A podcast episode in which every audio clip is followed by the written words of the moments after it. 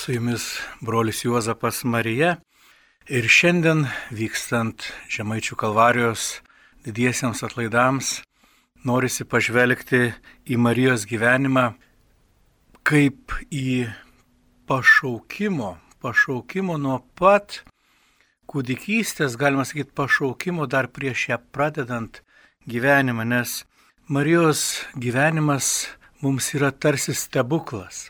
Stebuklas vykęs žmonijos istorijoje, kada žmogus praradęs Dievo artumą, praradęs tą rojaus būseną, klaidžioja iš tikrųjų, klaidžioja dikynėse, klaidžioja pasaulyje, tai šaukdamasis Dievo, tai vėl nuo jo nutoldamas ir štai tame pasaulyje pilname gėrio, taip pat ir tamsos, staiga sušvinta šviesa. Šviesa, kurią suprasti žmonijai truks dar tikrai daug laiko, kol galiausiai ji bus įvardinta kaip nekaltoji, kaip nekaltai pradėtoji, kaip gimusi be gimtosios nuodėmės. Ir tai yra tas didžiulis stebuklas, kad Dievas nusprendžia duoti dar vieną šansą žmonijai. Ir kaip kūrimo pradžioje sukūręs Adomą ir Jėvą, tuos mūsų pirmuosius tėvus gimusius be nuodėmės, ir turinčius visiškai laisvą valią rinktis gėrį ir blogį, jis tą patį šansą, tą pačią galimybę nusprendžia suteikti dar kartą. Dar kartą paprastai Izraelio mergaitai ir vėl jai duodama rinktis - priimti Dievo valią ar savo ir žmonių bei pasaulio valią. Ir tas pasirinkimas tikrai nebuvo toks paprastas, kaip mes dabar dažnai galvojame, štai apsireiškia angelas, pasveikina ją ir ryč su džiaugsmu sako, štai pagaliau įvyko, ko mes ilgai laukiam, taip Dieve te būna, tai kaip nori. Iš tiesų, tiek kultūrinės, tiek istorinės aplinkybės buvo gana sudėtingos ir tas ištartas taip buvo paženklintas tikrai ir tokios vidinės baimės, bet taip pat ir stiprybės, suvokiant, kad Dievo valia yra aukščiau žmonių. Bet apie viską iš eilės. Taigi, Marijos gyvenimas, netaip ir daug mes apie jį žinome. Daugiausiai mums yra galbūt papasakojęs evangelistas Lukas, kuris turėjo laimės susitikti su Marija, iš jos pačios lūpų daug ką išgirsti, užrašyti ypatingai apie tuos pirmuosius metus, galime sakyti, apie Jėzaus, tą laukimą, apie Jėzaus gyvenimą. Taigi jis susitinka Mariją, turime atminti, jau praėjus visiems tiems didiems įvykiams, praėjus ir apreiškimui, praėjus gimimui, galiausiai praėjus ir Kristaus kančiai bei mirčiai ant kryžiaus ir prisikelimui. Ir Marija mato bažnyčią einančią istorijos keliu, mato bažnyčią mylimą, mato bažnyčią persiekiojamą ir visame tame chaose, pasakodama Lukui, ji ištaria ir magnifikat gesmė žodžius, mano sielas šlovina viešpati už visus nuostabius dalykus, kuriuos padarė. Ji žvelgia tikėjimo akimis ir pasakoja apie tuos įvykius, apie paukojimą šventykloje, pasakojama apie Jėzaus vaikystėje pradingimą ir jos širdies skausmą, jos rūpesti. Ir galiausiai kalbama apie tai, kad dvasia niekuomet jos nepleido. Taigi Marija, ji gimsta, gimsta pasaulyje, kuris yra sukaustytas ir daugybės baimių ir prietarų, pasaulyje, kur Izraelio tauta turi atminimą apie Dievo pažadus, bet pasaulyje, kur atrodo laimi ir nugali įvairūs pagoniški kraštai, nes tuo metu Izraelis yra pavergtas romėnų, romėnų, kurie atvirai garbina stabus. Ir kiekvienas žmogus va, tame pasaulyje įsiklausia, ar mes nesivaikome kažkokių senų padavimų, ar neturėtume žengti moderniai su pasauliu, ar neturėtume priimti viso to, ką atneša romėnų pasaulis. Ir norom nenorom mes galime pažvelgti ir šią dieną, kada krikščionis irgi gali pasijausti tą mažuma tame pasaulyje, kuris rodos toks yra modernus, bet lygiai taip pat kaip Romos tie pagoniški dievai pasirodo visiškai niekai, manau, kad ateitis parodys, kad tai, ko mes šiandien vaikomės ir kas atrodo labai modernu, atrodys labai namadiška ir kvaila. Taigi, Marija gimsta tokiame pasaulyje, gimsta, žinome, Jokimui ir Onai, tai yra Izraelio kunigų šeima, Jokimas yra tarnaujantis šventykloje kunigas, taigi yra iš Araono giminės, bet lygiai taip pat mes žinome, kad jos giminė yra taip pat ir Dovido giminė, taigi dvi giminės karališka ir kunigiška susitinka. Ir Marija yra ta atstovė, kurioje visa kas geriausia Izraelyje susitinka.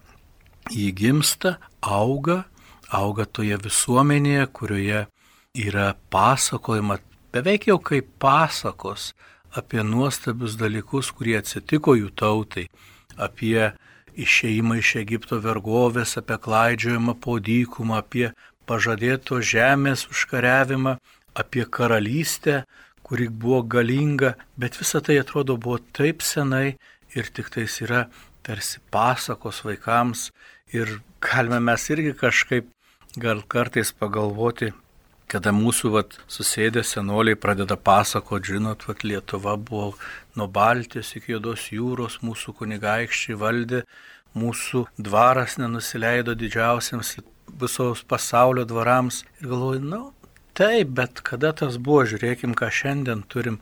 Esama mažas kraštas, apsuptas didžių galybių, taip pilnas galbūt pasididžiavimo savo praeitimi, bet visiškai netikras dėl savo dabarties ir ateities. Taigi Marija auga va tokioje aplinkoje, bando suprasti save, kaip mes vėliau kalbėsime, matydama iš tiesų, nes tas gimimas be gimtosios nuodėmės jis yra ypatingas, nes mūsų protėviai turėjo ypatingą dovaną, kurią mes iš dalies esame praradę, tai yra gebėjimą matyti pasaulį Dievo akimis. Nes prisiminkime, kad Dievas atveda Adomui įvairius gyvūnus, kūrinius ir žiūri, kaip jis juos pavadins. Ir sako, kaip pavadino, tuo jie ir buvo. Tai reiškia, kad žmogus galėjo pažvelgęs pamatyti tiesą ir pasakyti tikrą vardą, tai yra tikrą paskirtį, nusakyti, kas yra kaip. Ir su nuodėme mes tą sugebėjimą esame praradę, mes nebesugebame matyti dalykų, kaip jie yra ir kartais patikime melu, patikime savo pačių sugalvotų melu, kitų mums pasakytų melu ir reikalinga ypatinga šventosios dvasios dovana, tas išmintis, tas žinojimas, tas suvokimas pradėti vėl pasaulį matyti toks, koks jis yra. Tai Marija, apsaugota nuo gimtosios nuodėmės, turėjo tą dovaną, pirmykščių tėvų dovaną, matyti pasaulį, koks jis yra ir norom nenorom jį turėjo sakyti, aš esu kitokia, aš dar nežinau, ką man visą tai, bet aš matau tiesą. Ji toje aplinkoje, aišku, auga kaip normali kiekviena Izraelio mergina ir turi laikytis vietos papročių ir, aišku, atėjus metai yra susižadęs su būsimu savo vyru, vėliau gimsta Jėzus, žinome, ta šeimos rutina gyvenimas, vėliau mato jinai Jėzų tame pakilime, kaip jis eina savo misijoje, mato žmonės susibūrusius klausytis gerėtis juo, vėliau stebi tą pačią minę atsigrėžiančią prieš jo sūnų ir galime tik įsivaizduoti tą motinišką skausmą, kada jos mylimiausias pasaulyje žmogus Jėzus yra keikiamas, kada yra apspjaudomas, mato jį nuplaktą, mato mirštantį ant kryžiaus ir iš tiesų tie skausmo kalavijai perverė jos širdį Ir vėlgi čia noriu staptelti ir negaliu nesusižavėti tais jo žodžiais ištartais jau daug metų po to, mano siela šlovina viešpatį. Ir pagalvoji, motina, kuri išgyveno tokią baisę savo sunaus mirtį, gali sakyti daug nuostabių dalykų man padarė viešpats, tai turim suvokti, kad iš tiesų viešpats daug nuostabių dalykų nuveikė jos gyvenime, kad jie galėjo uždengti tą skausmą, tą baimę, tą neviltį, kuri turėjo norom nenorom apimti, matant savo sunaus kančią. Vėliau matome tą pačią Mariją gyvenančią su bažnyčia, matančią bažnyčios gimimą, pirmasias sėkmines, matančią ir pirmosius apaštalus, suėmamus, nužudomus, matant tremti, matant pabėgimą iš Jeruzalės, galiausiai stebime Marijos mirtį, žinome iš liudėjimų apie jos paėmimą į dangų, jos vainikavimą toje garbėje ir toliau besitęsiančią tą motinišką tarnystę iš dangaus, kuri apkabina, apkabina kiekvieną žmogų kaip mylinti motina.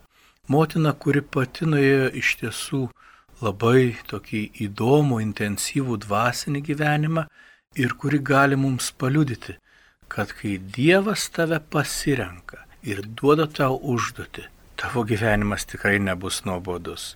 Jis bus pilnas nuotikių, taip, pilnas ir skausmų, pilnas vargo, bet ir kupinas džiaugsmų. Ir kodėl mes norime pažvelgti visą tai, nes ir mes kiekvienas esame Dievo ypatingų būdų pasirinkti. Pasirinkti kaip žmonės, kaip žmonija, žmonija, kuri pašaukta į bendrystę su Dievu. Žmonija, kuri jau nebeina į praužutį, kurią užtraukė mums Adomo ir Jėvos nuodėmė, bet kaip žmonija, kuri yra atpirkta Jėzaus ir jau pašaukta amžinybei. Ir kartais mes nesusimastome, kad ta dovana išskirtinė dovana duota Marijai per krikštą dovanojama ir mums. Taip, mes nuo gimimo nesame apsaugoti nuo gimtosios nuodėmės, bet krikšto akimirką esame išvaduojami iš tos nuodėmės priklausomybės. Mes jau nebevergaujam nuodėmiai, mes vėl tampame laisvais Dievo vaikais ir taip reikia laiko, reikia laiko pasiekti šventumų, reikia laiko atsikratyti tos nuodėmės pasiekmių, bet mes esame lygiai tame pačiame kelyje į šventumą. Ir Marija mums gali būti geras kelrodis. Aišku, mes visada norime pažvelgti tuos ypatingus pašaukimus, kurie duodami norintiems ypatingų būdų išgyventi savo krikšto malonę, tai iki galo vienytis su Jėzumi Kristumi. Ir aišku, ta didžiausia vienybė, tas susivienimas mes matome kuomet kunigas stovi prie altoriaus ir bendruomeniai atstovauja patį Jėzų Kristų. Jėzų Kristų, kuris atėjo mums parodyti tą tikrą ir žmogaus, ir Dievo veidą. Nes kada sakome, kad žmogus sukurtas pagal Dievo paveikslą ir panašumą, mes galime sakyti, kad žmogus pradžioje buvo sukurtas pagal tą paveikslą, pagal kurį bus kuriamas Jėzus. Pirmas žmogus yra kuriamas pagal Jėzaus paveikslą, nes jis arčiausias Dievo paveikslas. Ir tas panašumas į Jėzų mus daro panašius į Dievą. Taigi savo krikščioniškam gyvenime mes Marijos pavyzdžių galime klausytis į kiekvieną Jėzaus žodį, dėtis į savo širdį ir klausti, ką aš turiu padaryti, kad vis labiau ir labiau supanašėčiau su Jėzumi. Ir aišku, kaip sakau, ant gamtinių būdų, ne dėl mūsų pačių nuopelnų, tas panašumas labiausiai išriškėja, kuomet atsiliamama į ypatingą pašaukimą, į kunigo pašaukimą atstovauti bendruomeniai Jėzų. Taigi, kiekvienas iš mūsų turime tam tikrą Dievo planą, Dievo planą, kuris yra kiekvienam vis kitoks. Ir Marija mums yra tas geras pavyzdys parodyti, koks tas Dievo planas gali mums būti. Taigi, žvelgiant visų pirma į Marijos vaikystę, mes galime galvoti, kokia turėjo būti vaikystė vaiko, kuris, kaip jau minėjome pradžioje, mato pasaulį Dievo akimis, mato visą teisybę kūrinijos, mato, kam kas yra skirta, gali atskirti gėrį ir blogį, gali įvardinti, koks yra kiekvienas žmogus, gali įvardinti, kokia yra paskirtis. Ir vat tas vaikutis žvelgia į save ir mato, kad ji yra kitokia. Ir bando suvokti, kokia jie yra, kam jis skirta. Ir tai labai yra svarbu kiekvieno žmogaus gyvenime, kad mes irgi po krikšto atgavę malonę žvelgti į save Dievo akimis, išmoktume irgi atpažinti tiesoje, kas mes esame, ką mes sugebame ir ko nesugebame, kokios yra mums duotos Dievo dovanos ir kur mes turime pripažinti savo silpnumą ir nuolankiai sakyti, man tas neišeis. Galų gale kur mes turime nugalėti galbūt tą netikrą kuklumą ir sakyti, jeigu aš pasistengsiu, aš to pasieksiu. Tam reikalinga iš tiesų malda, tam reikalingas prašymas Dieve, leisk man pažinti save.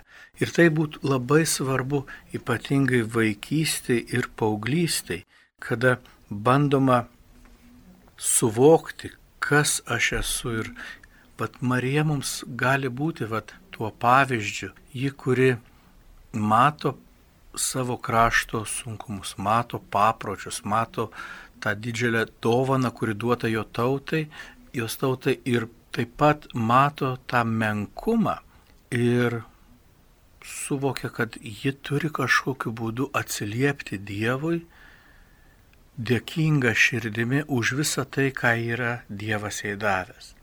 Bet tai nėra taip paprasta iš pat pradžių. Ir iš tiesų šiek tiek leidžiasi nešama, nešama to laikmečio. Ir kaip žinome, ko tikimas iš to meto jaunos Izraelio merginos, tai kad ji ištekės, turės daug vaikų ir augins didelę šeimą. Ir štai jis susiža su Juozapu, laukia savo vestuvių dienos, nežinia, kas vyksta jo širdyje, bet štai tuo metu įvyksta tas ypatingas susitikimas. Mes skaitome, kaip angelas ateina ir pasveikina Mariją, įvardindamas tai, ką jinai galbūt jau yra atpažinus savie - sveika malonėmis apdovanotojai, viešpat su tavimi. Ir Marija atpažįsta, kad taip ir yra. Ji mato, kiek daug malonių yra iš Dievo gavusi ir jaučia, kad visur ir visuomet Dievas yra šalia.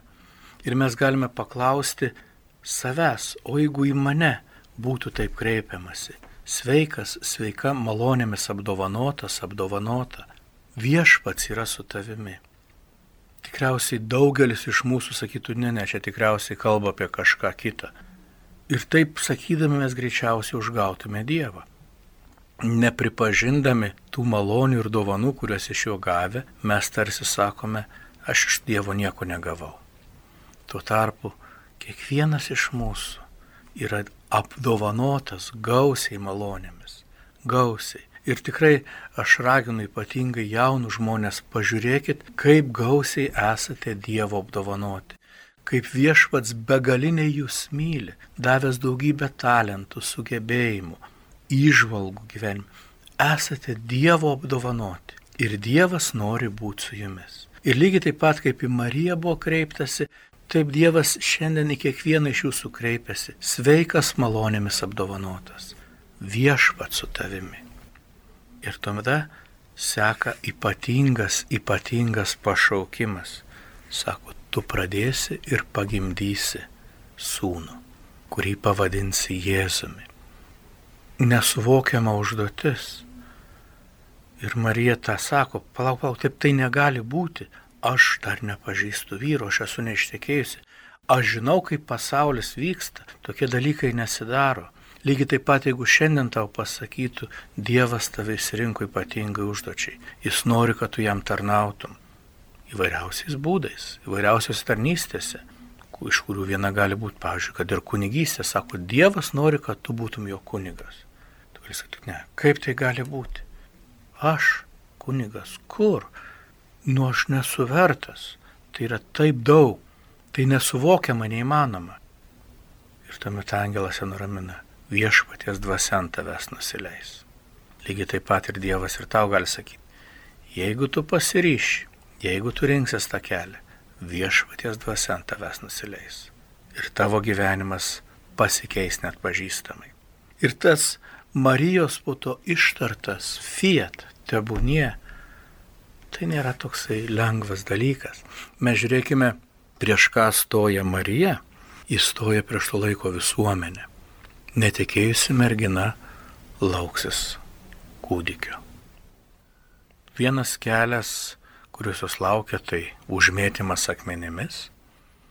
Galbūt netoks blogas kelias, išvarimas iš bendruomenės ir sakymas eik, gyvenk kaip nori, gėdoje. Galbūt ką Juozapas iš galestingų sakė tylomis, paleista, sakant, žinai, tas kūdikis nuo kažko turi būti, jeigu tau netinka tos sužaidotuvės, eik ir tekėk už to, kurį myli tavo širdis. Ir ką Marija turi sakyti, kad nėra kito, nėra kito. Ir čia vėlgi turi Dievas įsikišti, nuraminti Juozapą, sutvarkyti tarsi tą situaciją, bet kai Marija ištarė tebūnie, ji dar nežino, kuo viskas pasibaigs bet ji visa savo širdimi jaučia, kad visos tos dovanas, kurias yra gavusi iš Dievo, tas suvokimas, tas pažinimas ir tas Dievo artumas šalia, jie kviečia pilnai pasitikėti ir ištarti viešpatie tebūnie. Ir aš galiu prisiminti savo pašaukimo momentą, kada pradžioje apsisprendžiau būti pranciškonu, vėliau kunigu, irgi tas momentas, kada tu ištari tebūnie, tai būna džiaugsmo, ir ramybės momentas. Tu staiga suvoki, kad esi atėjęs ten, kur visą laiką ėjai.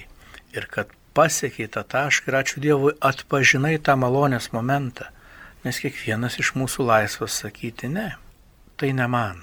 Arba aš nežinau, kas čia bus, kaip aplinkinė sureaguos, kaip mano draugai, kaip mano pažįstami, kaip mano artimieji, kaip giminės, kaip tėvai.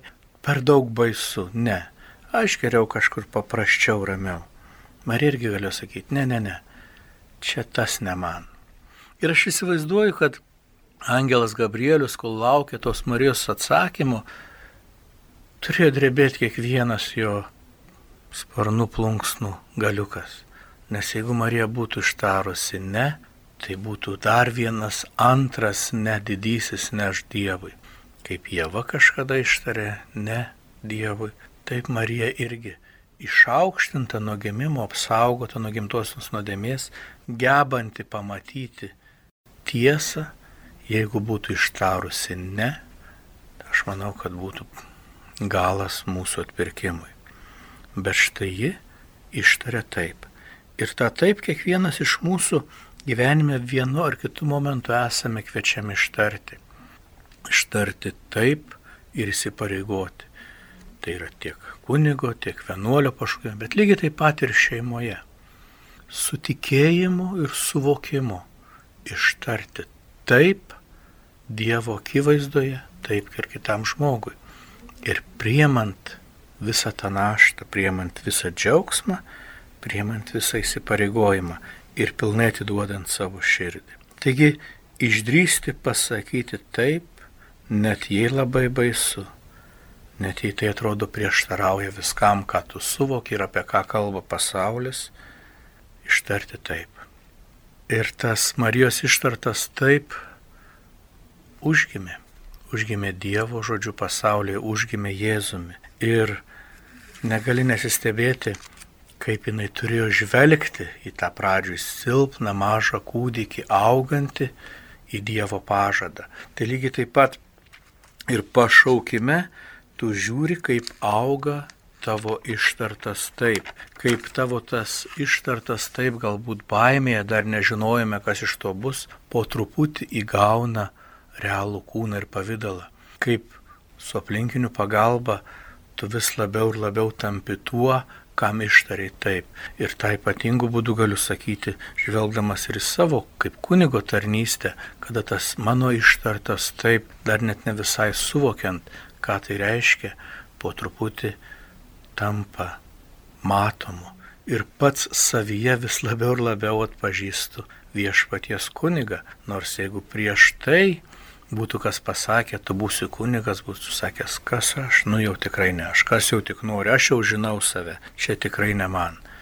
Bet dabar, kai žvelgi, aš sakau, nieko kito gyvenime nenorėčiau rinktis, nes tame ištartame taip atpažinau save patį. Lygiai taip pat ir Marija ištarusi taip Dievo valiai tampa viešpaties motina. Ir mato augantį Jėzų, galbūt ne visada supranta, kas vyksta, mes matome daugybę visokių, galbūt net nesusipratimų, kaip Jėzus dinksta, kaip ten auga, kaip jisai išeina iš namų pradėdamas rinkti mokinius, mato minį ir galvo štai, tas Dievo planas vyksta, bet vėliau vėl vyresnybė šventykloje Jėzaus nepriema, vėl persiekiojimai, suėmimas, nuplakimas, gėdinga mirtis ant kryžiaus ir Marija turėtų klausti, ar tai yra mano taip, ar aš tam ištariau taip. Ir jeigu būtų iš pat pradžių žinojusi, kas jos laukia, nežinau, ar būtų užtekę drąsos ištarti taip. Ir tikriausiai kiekviename pašaukime panašiai kai pasikalbi kartais ir su žmonėmis, kurie nugyvena ilgą gyvenimą kartu, kada švenčia, kad ir auksinės vestuves ir klausi, kaip, kaip visa tai. Tai esu nekartą išgirdęs, jei būčiau žinojęs, būčiau žinojusi, kaip bus, niekad nebūčiau vedęs ar nebūčiau tiekėjus. Bet dabar, kai viskas praėjo, esu laimingas, esu laiminga. Lygiai taip pat ir aš žvelgiu ir matau kai kuriuos momentus savo tarnystėje, kada buvai nesuprastas, kada buvai atmestas, kada gal jautėsi apleistas, vienišas ir galvoji, ką man to reikia. Bet tada pagalvoji, ar norėtum būti kur kitur? Ir sakai, ne, viešpatie, jaučiu, kad esu savo kelyje. Ir labai tikiuosi, kad tos ištikimybės užteks visai tarnystėj. Taip pat, kad užteks ir su toktiniams, kurie sutokia tos ištikimybės, išbūti kartu. Nes per tuos išbandymus mes pamatome, koks tas mūsų tikėjimas. Ir atrandame, kad esame daug stipresni negu galvojame, kad mes sugebame pakelti daugiau negu įsivaizdavome ir kas atrodė nesuvokiama, yra tiesiog gyvenimo dalis. Dar daugiau tie išbandymai daro mus labiau gailestingais. Mes galime suvokti ir priimti kitą žmogų, mes galime atjausti kitą žmogų. Ir galima dažnai pasakyti, žinai, ir aš ten buvau. Žinok, čia ne pabaiga.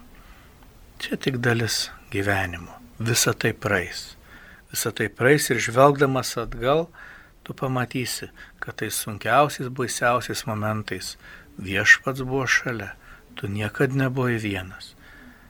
Ir štai tam tamsiausiam momente ir gimsta didžiausias Marijos pašaukimas būti visų mūsų motina.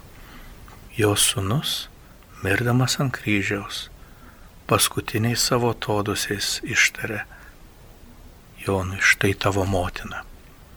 Ir žvelgdama jis sako, štai tavo sunus. Ir jį priimdama tuos sūnaus žodžius tampa visų mūsų motina. Lygiai taip pat noriu pažvelgti ir kunigą, kuris pašauktas būti tėvu visai bendruomeniai. Ir kada iš viešpaties išgirsi žodžius, štai tavo vaikai, štai tavo kaimenė, štai tavo bendruomenė, būk jiems mylinčių tėvų, būk jiems dangiškojo tėvo atvaizdu, kad jie žvelgdami tavo tarnystę, pažindami tavo meilę jiems, per tai pažintų ir dangiškojo tėvo meilę ir rūpesti savo vaikais. Didžiulė tarnystė, didžiulė našta ir taip pat dar didesnis skausmas, kada pamatai, kai kažkas neišlaiko toje tarnystėje. Arba sumaišo žmonių meilę Dievui su meilė jiems ir galvoja, kad žmonių pagarba Dievui pasibaigia ties jais. Ir tuomet jie iš tiesų bando atsistoti Dievo vietą. Tuo dar labiau nuliūdina kitus, o patys puolai didžiulę nuodėmę. Todėl melskimės, melskimės už savo dvasios tėvus ir prašykime Marijos, kuri yra visų mūsų motina, kad jį globotų tuos dvasios tėvus, globotų kunigus, kad jie būtų ištikimi savo tarnystėje ir galėtų nugyventi tą tokį gyvenimą tarnystėje ir pasitikėjime kaip Marija, kuri gyvena su ankstyvaja bažnyčia. Kaip kalbėjome, mato jos ir pakelimą, triumfą, bet mato ir persekiojimus, mato nužudomus apaštalus, mato bažnyčios kančias ir vis tik į visą tai žvelgdama jėda magnifikat giesim. Mano siela džiaugiasi viešpačiu. Jis išaukština mažuosius, numeta nuo sostų didžiūnus. Ji ir pranašauja, ir žvelgia su tikėjimu. Ir žvelgdama į savo gyvenimą sako, tas gyvenimas buvo nuostabus. Ir toks išaukštinas gyvenimas jis negali pasibaigti. Tai netgi su Marijos užmygimu, kaip dažnai sakoma, ne jos mirtimu užmygimu, niekas nesibaigia. Marija paimama į dangų, į tą pažadėtą tėvynę, į kurią mes visi keliaujame. Ir Marijos mirtis gali būti lyginama su kiekvieno tikinčiojo mirtimi. Mes taip pat turime vilti tik trumpam užmygti ir pabusti regėdami viešpatės veidą pabusti amžinam gyvenimui, kuris niekuomet nesibaigs, kur mes būsime ten, kur nuo pat pradžių turėjome, kad Dievas mūsų kūrė tam, kad mes būtume su juo, kad būtume kartu. Ir štai Marija išaukština danguje, ji nebaigia savo tarnystės, bet toliau rūpinasi mumis, nes ji gyva, ji gyvena. Taip ir kiekvienas tikintysis, jis pasitikėdamas Dievu toliau gyvena. Todėl mes turime tą vadinamą šventųjų bendravimą. Šventųjų bendravimą, kuomet mes melžiamės už mūsų mirusius, o jie būdami danguje užtaria mus. Aišku, turime ypatingus, ypatingus savo užtarėjus, šventuosius, kurie nugyveno tikrai kartais nelengvą gyvenimą. Galim pasidžiaugti mūsų palaimintaisiais, mūsų naujai pasaltasis, kad ir Teofilio, ar ne, kuris nugyveno tikrai sunku, pilną išbandymų gyvenimą, bet tikrai irgi gyvenimų gale garbino Dievą. Garbino Dievą ir dėkoju jam net už kiekvieną iš tų išbandymų. Nes tuose išbandymuose jis galėjo prisiliesti prie žmonių, kurių galbūt niekad nebūtų sutikęs, prie tų kalinių, prie ištremtųjų ir jiem liudyti Dievo meilę liudyti iki pat paskutinės gyvenimo akimirkos ir toliau jau ir po mirties kviesti juos iš amžinybės, mus kviesti į amžinybę. Ir tada visą tai nuskamba kartu su tuo Dievo šauksmu kiekvienam iš mūsų. Sugrįžkite namo vaikai, sugrįžkite mano kūriniai, nebebūkite paklydę, kur jūs klaidžiat. Aš atsiunčiau savo sūnų, kad jūs parvestų namo. Ir ta istorija papasakota kaip palyginimas paties Jėzaus. Mes prisimename, ne, istoriją apie sūnų palaidūną. Tik tais Jėzaus atveju yra truputį kitokia istorija. Tas sūnus palaidūnas tai mes išėję į pasaulį, išėję pasėmė tėvo duotą palikimą ir jį išvaistė. Ir pabaigė dažnai prie keulių jovalo. Bet Jėzus, Jėzus yra tas kitas sūnus, kuris nepasilieka tėvo namuose, bet matydamas tėvo skausmą dėl to jaunėlio, išėjus ir pražus, sako, tėve, aš eisiu ir parvesiu. Bet tai, kad tai vyktų, turėjo būti ištartas Marijos taip. Marija sako, aš priimsiu, priimsiu Dievo dovaną, gimsta Jėzus, tas Dievo sunus, kuris suranda mus paklydus, sako, tėvas jūsų laukia, pareikite. Ir jeigu reikia, aš stosiu jūsų vietą. Tu už skolas buvai parduotas į vergovę, aš prisiemu tą vergo naštą. Tu už skolas prapuolęs buvai, aš esu atmokėjusiu savo kraujo kainą. Būk laisvas, pareiki tėvo namus. Ir ta žinia, ji negali nutilti, nes tam žinia skirta kiekvienam iš mūsų. Ir aš džiaugiuosi, kad Dievas tiek mane pasirinko, tiek kitus kunigus liūdyti ir nešti tą žinią žmonėms. Dangiškasis tėvas jūsų laukia. Mūsų brolis Jėzus Kristus atėjo mūsų ieškoti ir parvesti namų. Ir jeigu tu jautiesi kažką skolingas pasauliui, kažką skolingas šietonui, žinok, tos skolos yra sumokėtos. Ir jeigu kažkas tau sako, tu nevertas, tu negali, jis meluoja. Nes Jėzaus krauju kiekvienas iš mūsų esame nuplauti ir aprengti tuo drabužiu, kuriuo galime grįžti į dangiško tėvų puotą. Grįžti lydami savo motinos Marijos, kuri pirmoji iš mūsų ištarė Dievui taip ir savo pavyzdžių ragina kiekvieną iš mūsų ištarti taip Dievo meiliai, taip jo pašaukimui, taip tai tarnystei, galbūt net pasišvenčiant tarnauti to žinios nešėjų, kad dangiškasis tėvas kiekvieno iš mūsų ilgisi. Tarnauti atstovaujant jo sūnų Jėzų Kristų prie viešpaties altorių, maitinant Dievo tautą, Dievo žodžiu ir Kristaus kūnu ir krauju kad šioje kelionėje neprarastume jėgų, bet galėtume eiti į priekį, kad nesukluptume, bet galėtume vis pakilti ir eiti. Nes tas ištartas taip Dievui, taip buvimui su juo, jis pakeičia gyvenimą net pažįstamai. Ir iš tos kasdienybės, kartais nuobodulio, pasimetimo ir nežinojimo, kuriasi pastatomus tvirtai ant išganimo kelio kur ne tik, kad mes patys atrandame savo kelią, bet gauname išminties ir jėgų pakviesti ir kitus, pakelti ir kitus ir kartu kaip viena šeima, kaip bažnyčia eiti į tėvo namus, tam, kad galėtume per amžius džiaugtis jo akivaizdoje.